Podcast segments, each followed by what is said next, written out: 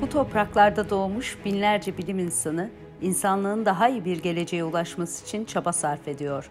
Oxford Üniversitesi'nden Hittit Üniversitesi'ne, Humboldt'tan Muğla Sıtkı Koçman'a, Harvard'dan MIT'ye, Zürih'ten Van 100. Yıl Üniversitesi'ne genç bilimcilerimiz anlatıyor kitabının yazarları, çalışma alanlarını ve bilimin hayatta yarattığı mucizeleri anlatıyor.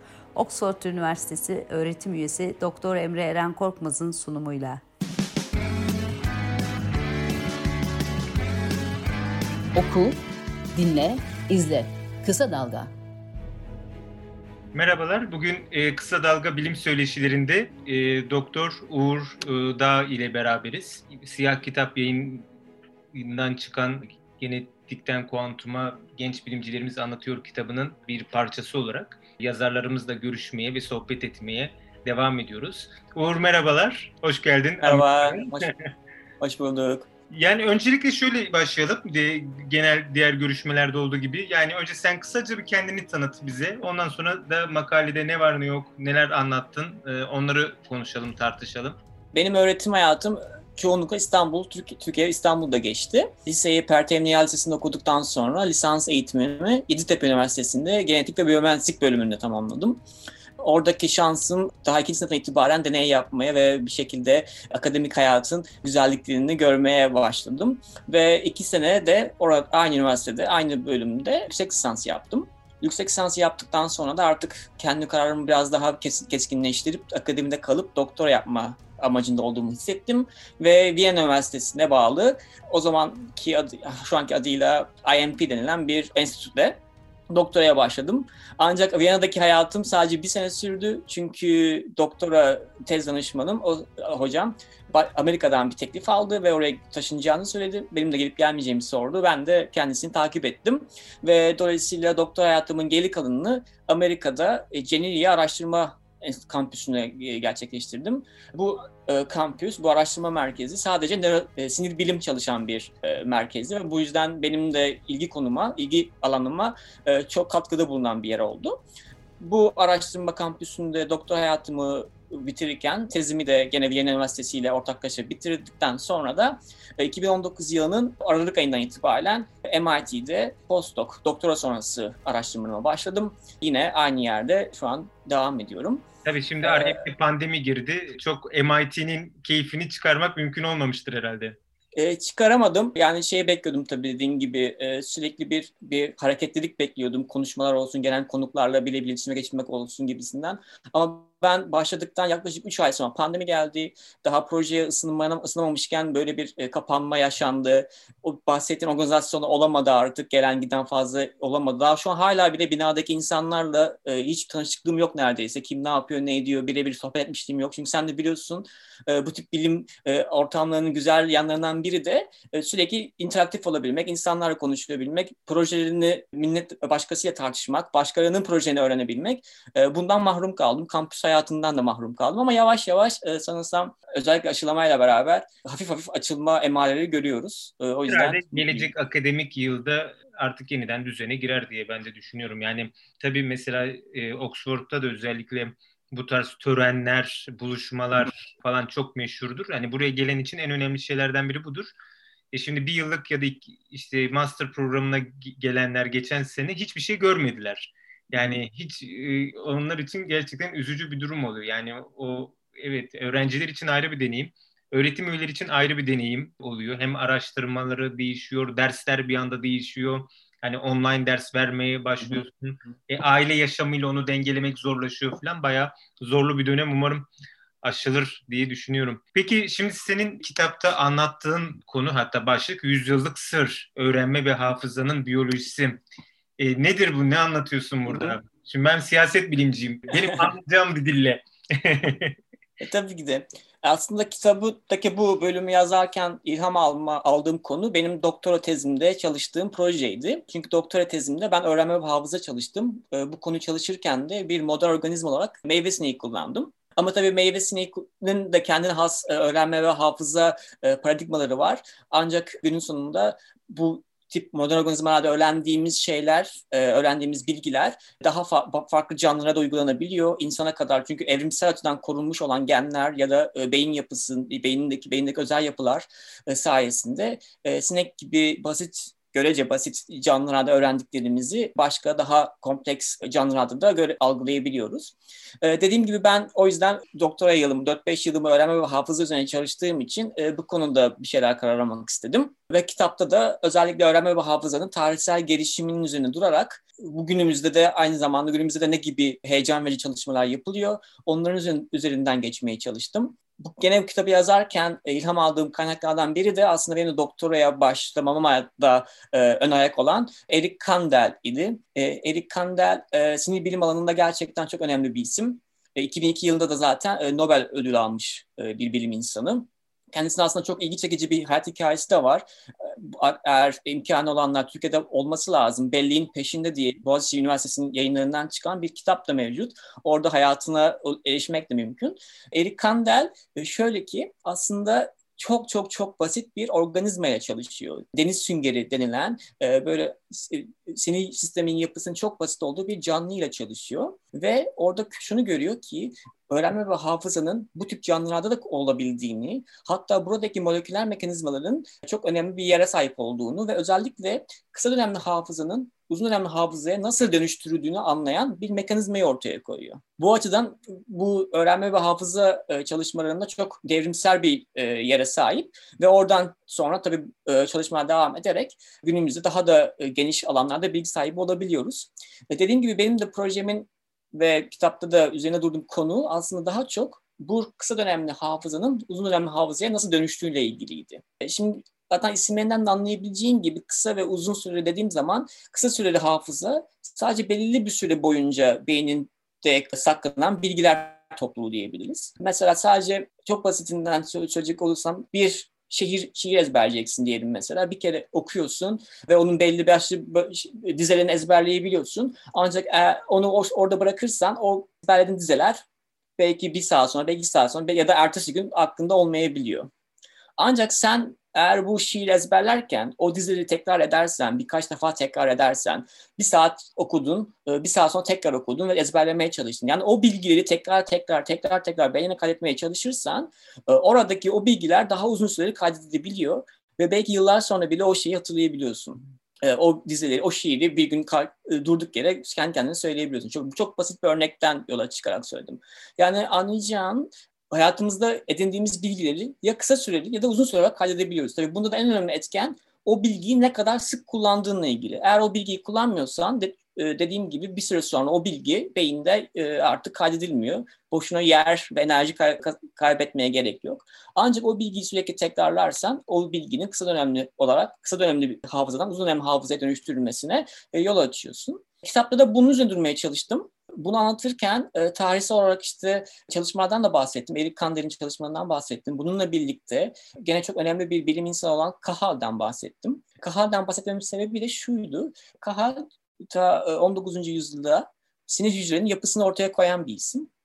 Ve sinir hücrenin aslında e, iki farklı mesela birden farklı sinir hücresinin birbiriyle olan iletişim yerlerini gösteren bir isim. Çünkü ondan önce şöyle bir teori vardı işte beyinden bir sinir çıkıyor, o böyle bütün vücuda yayılıyor gibi. Ancak e, Kahal'ın yaptığı boya, boyama, boya teknik, boyama teknikleriyle aslında sinir hücrenin uçlarında bir küçük boşluklar olduğu ve buradaki boşluklarla iki farklı sinir hücresinin ya da daha fazla sinir hücresinin birbir, birbiriyle konuşabildiğini gösterdi. Bu da şundan önemli. Bu iletişimler sayesinde dediğim gibi bir bilgi, bir veri, bir uyarı bir sinir hücresinden bir diğerine gönderilebiliyor. Ve bu boşluklar, bu iletişim yerleri aynı zamanda öğrenme ve hafızada e, önemli. Çünkü e, eğer bir bilgiyi kaydettiğin zaman ve o bilgiyi tekrar tekrar kullanmak istediğin zaman beyindeki belli özel spesifik bölgelerdeki bu sinapslar, bu bölgeler, bu boşluklar, bu iletişim bölgeleri ki sinaps deniyor bunlara. O bölgeler güçlendiriliyor. Orada daha sıkı bir bağlantı kuruluyor. Dolayısıyla aslında kısa dönemli hafızanın uzun dönemli hafızaya dönüştürülmesinde bu bahsettiğim özel bölgelerdeki ki beyinde bunlar hipokampüs ve neokorteks diye adlandırabiliriz temelde. Bu bilgileri, e, bu bilgiler daha uzun dönem hafızaya dönüştürürken o be, beynin belli bölgelerindeki özel hücreler aralarında daha sıkı bağlantılar ortaya çıkarıyor. gene kitapta bundan bahsetmeye çalıştım. Bu teoremden bahsetmeye çalıştım. İşte bu noktaya nasıl gelindiğini, bu sinapslar, bu sinir hücrelerinin birbiriyle iletişiminin nasıl önemli olduğunu onları üzerinden geçmeye çalıştım. Tarihsel açıdan böyle bir gelişim gösterdikten sonra son bölümde de kendi çalıştığım konu ve birkaç tane de gene bilim, e, bu sinir bilim alanında özellikle öğrenme ve hafıza alanındaki e, heyecan verici birkaç tane de örnek vermeye çalışarak kitabı sonlan, e, bölümü sonlandırmaya çalıştım. Evet çok ilginç ilginç bir konu. Yani gerçekten yani biz mesela normalde bu hafıza, öğrenme gibi konuları daha böyle soyut olarak düşünürüz. Yani sanki hı hı. E, soyut bir yerde duruyormuş gibi. Ama onun hepsinin bir maddi gerçekliğinin olması evet. ve hepsinin işte bu tarz sinir hücrelerinde diyelim ki yani onu görünüp o kaynaklarını bulunabilmesi hı. yani o maddi gerçekliğini görmek çok ilginç bir durum aslında. Hani biz onu o şekilde düşünmüyoruz. Aslında şeyde de e, gündelik yaşamda ya da iletişim mesela bilgisayarı kullanırken, cep telefonu kullanırken veya işte örneğin bulut sistemini kullanırken sanki bunlar böyle havada duran, salınan şeyler gibi düşünüyoruz ama aslında hepsinin bir maddi gerçekliği var. Bir sürü işte kablolar var, bir sürü merkezler var. Yani aslında o iletişim bazı şeyleri görememenin bizde yarattığı belli yanılmalar var. Bu anlamda da çok ilginç ve heyecan verici bir konu bu yani bunların somut gerçekliğini arayıp bulmak yani bir nevi dedektiflik gibi bir iş değil mi? Evet kesinlikle öyle. Dediğim gibi bu soyutluk ve somutluk arasındaki o muğlaklık aslında e, bir noktaya işte bir noktada anlamaya çalıştığımız e, mevzulardan biri. Ama tabii biz daha çok senin de bahsettiğin gibi daha çok bu maddi yönüne, moleküler yönüne ya da az önce bahsettiğim gibi o fiziksel bağlantı yönüne yoğunlaşıyoruz. Ama belki psikoloji çalışan bilim insanları ise onun daha çok işte biraz daha soyut olarak da inceleyebiliyorlar. Peki sizin Ama dediğin... psikoloji bölümüyle veya diyelim ki eğitim bilimleriyle mesela bu da çok önemli. Mesela beraber Hı-hı. çalışıyor musunuz yoksa siz daha böyle arka planda ya da daha özel lablarda daha mı işin e, nasıl diyeyim derinlemesine tartışıyorsunuz? Yoksa bunun hani uygulama alanlarıyla bir bağınız oluyor mu? Yoksa sizden sonra böyle bir aracı bilim dalları mı var sizinle bağlı sağlayan? Aslında bu çok güzel bir nokta ve geçen gün kendi e, buradaki grup liderimle de bu konuyu tartışıyordum. Açıkçası benim içinde bulunduğum ortamlar ve özenlediğim kadarıyla bu e, bahsettiğimiz iki farklı bölüm gerçekten iki farklı bir alan gibi çalışıyor. E, en azından benim şahit olduğum kadarıyla çok da fazla böyle bir iç içe geçmişlik göremiyorum ben. Bizim yani benim de dahil olduğum kısa, e, grup bilim insanı daha çok temel bilim temel, temel bilim alanında çalışıp oradaki soruları böyle bir moleküler ya da bahsettiğim gibi biraz fiziksel yönden araştırmaya çalışıyor. Ama sadece sanırsam bir tane örnek gördüm, bir tane hoca gördüm. Kendisi hem psikiyatri bölümünde bir MD, PhD yani tıbbi doktor, hekim. Diğer taraftan da bizim gibi temel bilim araştırması yapan hatta o da sinek kullanan bir bilim insanı. Mesela o kendi çalışmalarında özellikle uykuyu çalışarak hem e, klinik olarak hem de moleküler ve fiziksel temellerini araştıran bir bilim insanı. Ama genelde bakacak olursak çok da fazla bir iletişim olduğunu söyleyemeyeceğim açıkçası. En azından benim gözlemlediğim kadarıyla. Ama bence önemli bir konu bu tip iletişimlerin, bu tip interdisipliner, yani disiplinler, disiplinler arası çalışmaların yaygınlaşmasına fayda olduğunu düşünüyorum ben de.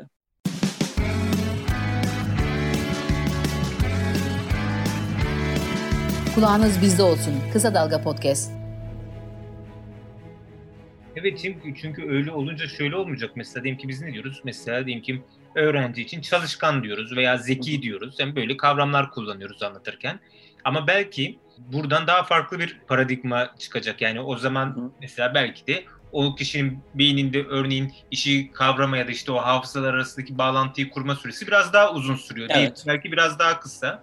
O zaman ona hani tembel deyip yaftalamak yerine belki onun için ekstra bir hı hı. çalışma yürüteceğiz. Yani ona göre inceleyeceğiz belki değil mi? Yani bu iş biraz daha insan yani öğrencilerin eğitim pedagojisinde belli kategorize edilmesi süreçlerini de etkileyebilir sonuçta bu tarz çalışmalar. Evet e, aslında bu da uzun uzun süredir ıı, konuşulan bir tartışma olsa gerek. Genetik faktörlerin etkisiyle beraber çevresel faktörün etkisi bunların hepsinin bir araya gelip de eğitim sen daha iyi biliyorsun tabii konuda eğitim ıı, konusunda bir öğrencinin verimliliği nasıl etkilenebilir çok fazla faktör var sonuçta. Dedi, senin de dediğin gibi sadece bir paradigmaya bakıp da yaftalamak yerine böyle daha kapsayıcı bir görüşe sahip olmak daha faydalı tabii. Ama dediğim gibi biz de aslında düşünecek olursak gerçekçi olmak gerekirse çok temel seviyede çalıştığımız için hemen birebir gerçek hayata uygulaması zor oluyor aslında bizim bulduğumuz bulgularında. Bu aslında çok uzun süren bir süreç. Bazen bir molekül buluyorsun, onun önemini ortaya koyuyorsun. Ancak bu molekülün başka neler yaptığını anlaman yıllar sürebiliyor. Yani sadece onun önemli olan ortaya koyman yeterli değil. Bunun başka ne gibi işlevleri olduğunu, bunun evrimsel açıdan korunup korunmadığını, e, korunuyorsa belki başka canlılarda başka görevlerinin olabileceği gibi çok fazla karmaşıklık seviyesi ekleniyor. Bu yüzden aslında temel bilim, evet yani teoride aslında temel bilimde bulduklarının gerçek hayatta, pratikte uygulanabilmesini amaçlansın. Ancak bu her zaman o kadar da kolay olmuyor ve uzun süren bir süreç olabiliyor. Peki sinekleri kullanmanızın bir sebebi de şey mi mesela daha böyle farklı nesilleri takip edip hızlı bir şekilde hı hı. takip edebilmeniz sonuçta diyelim ki bir insanı takip etmek için belki 3-4 nesil o pek mümkün evet. değil ama sinek belki kısa süre içinde farklı farklı nesillerini görüp anlamanız herhalde değil mi oradan kaynaklı? Kesinlikle. Kesinlikle bu tip modern organizmalarda zaten genel olarak amaç olabildiğince fazla deney yapabilmek, olabildiğince detaylı inceleyebilmek. Bahsettiğim gibi sinekler aslında çok büyümesi, büyütmesi ve bakımı çok rahat olan canlılar ve bir de yani hayat e, döngüsü 21 güne ve daha fazla da olabilir ama en azından 21 günlük bir hayat döngüsü içerisinde bu bir e, sinekten farklı farklı kuşaklar yaratmak da mümkün. Bu yüzden aslında bu tip organizmalar kullanıyor. Bunun yanında beynindeki bazı bölgeleri e, yapay yollarla manipüle etmek de mümkün. Hmm. Başka canlılarda da oluyor tabii bu. Yani sadece sinekte değil, e, solucanlar ya da farelerde de oluyor bu tip işlemler. Sen sadece beynin bir bölgesindeki nöronları, sinir hücrelerini aktive edebilirsin ya da oradaki sinir hücrelerini susturabilirsin, işlevsiz hale getirebilirsin. Böylelikle o bölgenin ne kadar önemli olduğunu anlayabilirsin. Bu tip manipülasyonlar çok rahat. Ama hmm. tabii insanda bu tip e, genetik oynamalar, e, çünkü yapay yollarla bazı genetik materyaller ekliyorsun canlıya ve yapay yollarla onu aktive ediyorsun. Mesela ışık ile mesela te- sıcaklık değişimiyle. Bu tip oynamalar yapmak mümkün bu canlılarda ama tabii insanda bunun olması mümkün çok zor. Bir de bahsettiğimiz gibi hani modern organizmalarda hepsini laboratuvar ortamında aynı koşullarda büyütüyorsun. Ama Hı. bize geldiğimiz zaman biz çok farklı e, e, geçmişlerden geliyoruz. Yaşam koşullarımız çok farklı olabiliyor. O günkü ruhsal halim bile bir deneyi etkileyebilir. O yüzden tabii insan deneyleri de yapılıyor, yapılmıyor değil. Özellikle bu klinik çalışmalar devam ediyor. Özellikle psikolojik olarak da bahsettiğin gibi ya da bazı görüntüleme cihazlarıyla beynin belki bölgesini inceleyebiliyorsun. E, oradaki aktifliği görebiliyorsun. Ancak tabii bu size sınırlı sayıda bir bilgi veriyor. Yani bunu tamam yapılabiliyor ve önemli bulgular tabii ki de ortaya çıkıyor. Ancak genellikle bu tip çalışmalara biraz da şüpheyle bakmak gerekiyor. Yani şüphe ederken de sadece şerh, şerh, şerhi koyman lazım. Tamam bu güzel bir deney, çok başarılı bir çalışma, insanla yapılmış. E, ancak yani bazı faktörler de olabilir Başka evet. faktörler bizim elimizde olmayan başka değişkenler de olabilir. Bunları göz önünde bulundurmak lazım.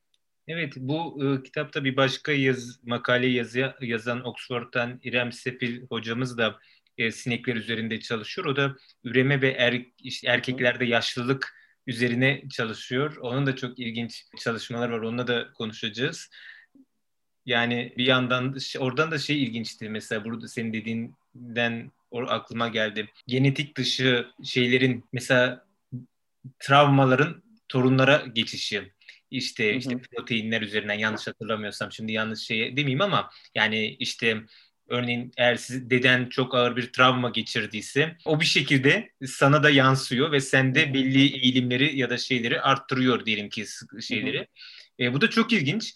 Bir de şey o senin e, yazında şeyle başlıyor. Bizi biz yapan belleğimizdir bir yandan hani Türkiye'de işin ben şimdi siyaset bilimci olarak işi siyaset kısmına bakınca da ya o zaman yani örneğin Türkiye ya da Orta Doğu, Balkan coğrafyasındaki son 3-4 nesilde yaşananları düşününce evet. hem e, işin bellek kısmına hem de örneğin o nesilden nesile aktarımlar konusuna baktığımızda kim bilir yani bizlerde neler neler var yani bizim mesela bize normal gelen ya da bizim anlamlandıramadığımız ama bizden önceki nesillerde yaşanmış E, nelerle biz belki karşılaşıyoruz veya işte nasıl yorumluyoruz, hepsi birbiriyle nasıl iletişim kuruyor. Mesela o anlamda da bu hani meselenin belli bizi biz yapanın bellek olması meselesi de benim çok ilgimi çekti. Oradan bir baş giriş olmuş oldu.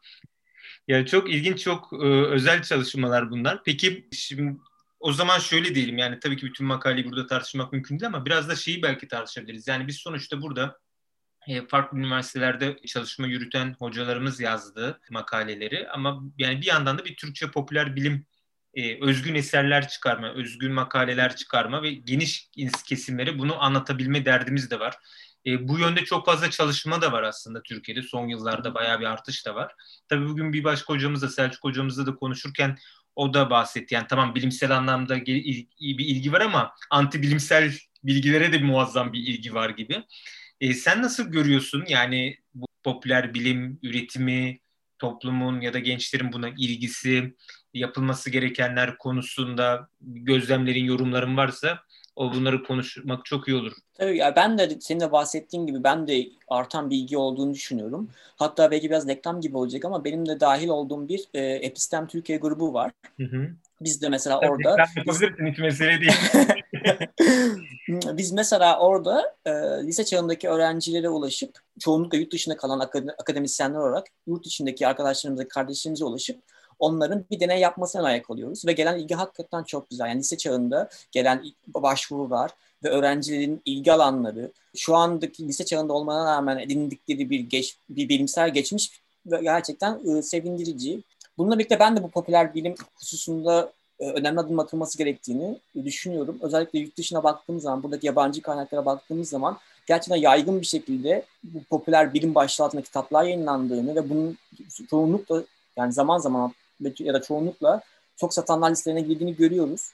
Ve bunu yapan insanlar şöyle olabiliyor. Ya bunu yazanlar sadece bilim insanları değil. Yani laboratuvarda çalışıp da profesör olmuş insanlar değil. Onlar da çok güzel kitap paylaşıyor. Mesela Erik Kandel, bu konuda bahsettiğim Erik Kandel hala e, şu an çok yaşlı olmasına rağmen sürekli kitap yazıp yayınlayabiliyor. Ama bununla birlikte bu işi meslek eden insanlar da var. Genellikle temel bilim eğitimi almış ancak kariyerlerine bir popüler bilim yazarlığı şeklinde devam eden ve çok da iyi yapan insanlar var. Tabii bunu yaparken sadece gazete küpürlerinden alıp da haber yapmıyor, haberleri toplayıp da e, kitap basmıyorlar. Çok büyük bir araştırma, geniş bir araştırmayla hatta o çalışmaların sahibi hocalar, e, grup liderleriyle konuşup onlardan bilgi alarak e, kitaplar basıyorlar bu bence çok değerli oluyor. Şöyle ki ya bir özet haline getirilmiş oluyor ama tabii o konuya ilgi duyan insanların derinlemesine araştırmasına da önerek koyuyor aslında. Çünkü oraya kaynağını koyuyor, o çalışmayı yapan insanın profilini koyuyor. Eğer sen o konuyu e, okuyup, yani o kitabı okuyup ilgin devam ediyorsa o çalışmanın o özgün metnine gidebiliyorsun. O grup liderinin profiline gidip inceleyebiliyorsun. İşte bence bu önemli bir nokta. Çünkü burada sanki bir şey var, kritik bir nokta var. Şöyle ki insanın yani bilime ilgi duyan insanların bir şekilde koyalcılığa alışmasını engellemek gerekiyor. Yani bu tip yayınlarla insanlar okuyup bilgi sahibi olabilirler ama her şeyi bildiğin e, yanılgısına gerekiyor insanların. Evet o konu hakkındaki önemli kritik noktaları biliyorsun, öğreniyorsun. Ancak ilgin varsa onun daha derinlemesine inmekte fayda var. Bunlar bir şekilde aslında bu tip popüler bilim kitapları insanların ilgilerinin ölçmesine ve bir konuya giriş yapmasına önerek oluyor. Ama orada o hap bazen böyle hap şeklindeki metinleri alıp da her şeyi öğrendiğini ya da artık tamam ben bu konu uzman olduğum gibi e, bir yanılgıya düşmemesi gerekiyor. Ama zaten herhalde o kitabı alıp da okuyan insanların bu bilinci sahip olduğunu da e, öngörmek mümkün. O yüzden bence e, gerçekten önemli bir kaynak oluyor bu tip kitaplar. Evet yani dediğin doğru. Şimdi Türkiye'de tabii ben popüler bilim yazarlığı da çok şey geliş, gelişiyor ama senin bahsettiğin e, meslek olarak popüler bilim yazarlığı konusu dan daha çok sanırım Türkiye'de son dönemde teknoloji iletişimi, Hı-hı. teknoloji üzerinden şey oluyor. Yani mesela işte yapay zeka, robotik yani bunları anlatan, aktaran Hı-hı. insanlar çok var. Orada da şöyle sıkıntılar var esasında. Bazen oluyor. Çok iyi yapan, işini çok iyi yapanların yanı sıra. Örneğin şirket sunduğu örneğin bir yapay zeka algoritmasını veya bir robotik çözümü işte çeşitli yatırımcı kaygıları, kar kaygılarıyla biraz abartarak e, sunabiliyor. Sen onun e, haber metnini alıp ya bu da bulunmuş, bu da yapılmış deyince yanlış bilgi aktarmış oluyorsun. Çünkü şöyle bir şey vardı bir e, makalede. Bu tarz firmalar işte başta biraz daha abartılı sunumlar yapıp iki gün sonra düzeltme yayınlıyor ama abartılı sunum işte bir milyon kişi okuduysa düzeltmeyi beş bin kişi bile okumamış. Evet. Yani, ama sonuçta düzeltti mi düzeltti. Biraz ona şey yapmamak gerekiyor ama bu popüler bilim yazarlığı yani buna e, bunu meslek edinmek yani sonuçta bir edebi e, yeteneği olan, dediğin gibi temel bilimleri alan ve bunları araştırıp pekiştirip işte belli bir kurgu içinde sunmak gerçekten özel bir iş. Ve akademisyenlerin de çok zorlandı bir şey. Yani biz bilmiyorum sizde de belki vardır ama Oxford'da bir sürü workshop yapıyoruz ve en çok zorlandığımız konu iki dakikada araştırmanı anlat demek.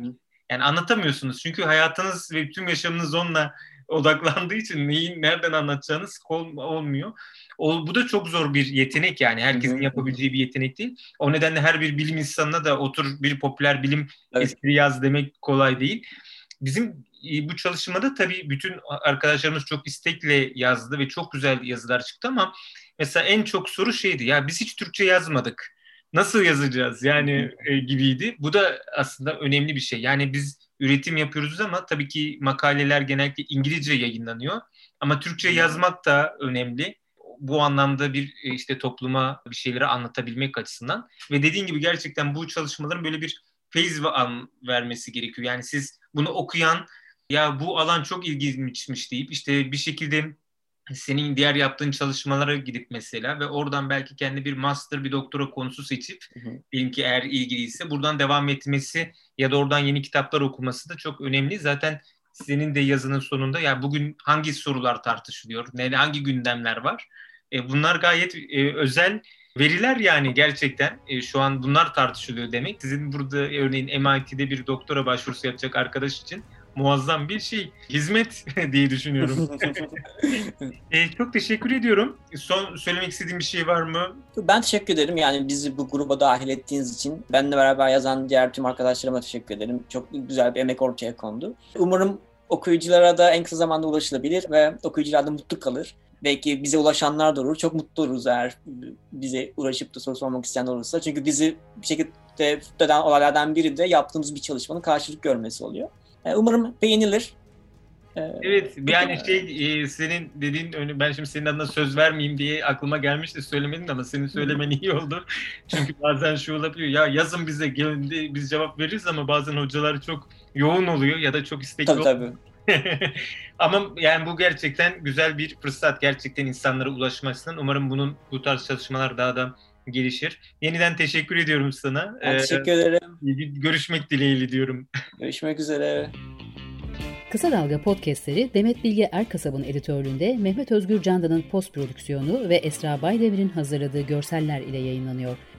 Kısa Dalga'ya destek vermek için Patreon sayfamızı ziyaret edebilirsiniz.